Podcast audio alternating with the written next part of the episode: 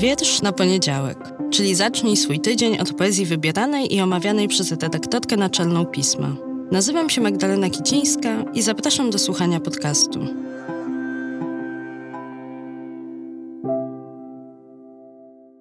Cześć, dzień dobry, dobry wieczór. Witajcie w listopadowy poniedziałek. Mam nadzieję, że trzymacie się zdrowo. Sezon gryp, infekcji, COVID-u i różnych takich mało przyjemnych jesiennych akcesoriów trwa.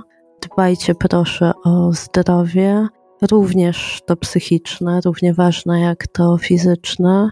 A teraz w tych ostatnich tygodniach, nie wiem jak wy, ale ja mam poczucie, że jest bardzo trudno, że dookoła mimo tego dobrego, co się dzieje, spodziewanego i niespodziewanego, też dużo takich skrajnych sytuacji. Ja momentami mam wrażenie, że świat jest gdzieś na skraju, wisimy nad przepaścią i dookoła dużo jest tego rozpadu trudnego do ogarnięcia. Ja w takich chwilach, kiedy właśnie tak czuję, szukam ludzi, szukam tekstów, kultury, które pozwalają mi w takiej sytuacji, w takim momencie, w takim poczuciu nie być samą. I wiersz, który mam dla Was dzisiaj, dla mnie był takim spotkaniem z kimś, kto też czuje, widzi więcej i upomina się o tych, którzy może teraz z tego pierwszego planu, no bo właśnie tak dużo się dzieje, tak strasznie dużo trudnych obrazów z Izraela, z Gazy. Mamy na wyciągnięcie ręki w swojej ręce, w smartfonie na ekranie. Ten głos, ten wiersz Grzegorza Uzdańskiego to jest też przypomnienie o tych, którzy również cierpią, którzy są blisko i o których, chociaż to jest bardzo trudne, właśnie na tej liście spraw i osób, i istnień, o których powinniśmy pamiętać, może teraz nie są. Jakkolwiek strasznie to nie zabrzmi w tej pierwszej trójce naszego sumienia, wyrzutów sumienia. On się tym wierszem o nich upomina.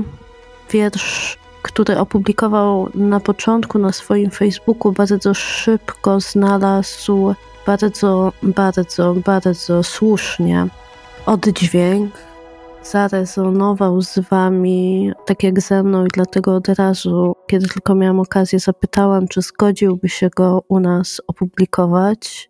I z tym wietrzem was dzisiaj zostawię. Pamiętajcie, że zwłaszcza te osoby chyba, które czytają wietrze, które przychodzą tutaj do tego podcastu właśnie po to, nie jesteśmy sami w naszym rozdarciu tym, że czasami nie możemy pomieścić dla wielu spraw w sobie miejsca, że nie mamy go, to jest, jakkolwiek źle to nie zabrzmi, naturalne. Nie jesteście w tym sami i pamiętajcie o tym jesienią, zwłaszcza wtedy, kiedy może być nam trudniej. A ja zostawiam Was z Grzegorzem Uzdańskim, z którym zresztą poetycko, jako medium, zaczęliśmy ten rok i teraz w jego końcówce również ten poeta nam towarzyszy. Czytajcie Uzdańskiego i posłuchajcie tego wiersza.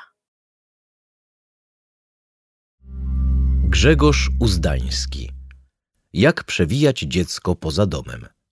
Czyta Leszek Zduń. Jeśli jesteśmy z dzieckiem poza domem, najlepiej znaleźć restaurację z przewijakiem. Teraz wiele restauracji ma już w toaletach całkiem porządne przewijaki. Jeśli w pobliżu nie ma restauracji ani stacji benzynowej, tam także znajdziemy przewijak, choć często w gorszym stanie, wtedy umieszczamy podkład na dowolnej równej powierzchni.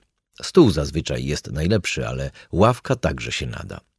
Jeśli nie ma stołów, ławek ani w ogóle mebli, chociaż w lesie są wiaty, przewijamy dziecko w wózku. Jeśli nie mamy wózka, a w pobliżu nie ma wiat, umieszczamy podkład na kawałku równego terenu. Najlepiej jeszcze na kocu złożonym w pół. Jeśli nie wiemy, jak go znaleźć, bo jest noc i jest zimno, i zaraz nas złapią, was złapią natychmiast, opuśćcie tę instrukcję. Przebywacie w niej niezgodnie z prawem.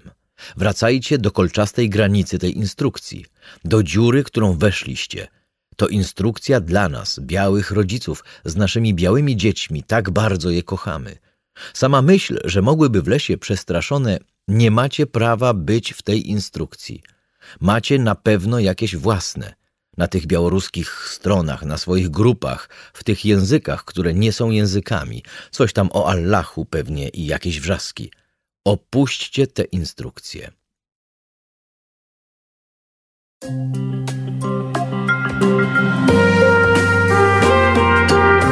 Pismo.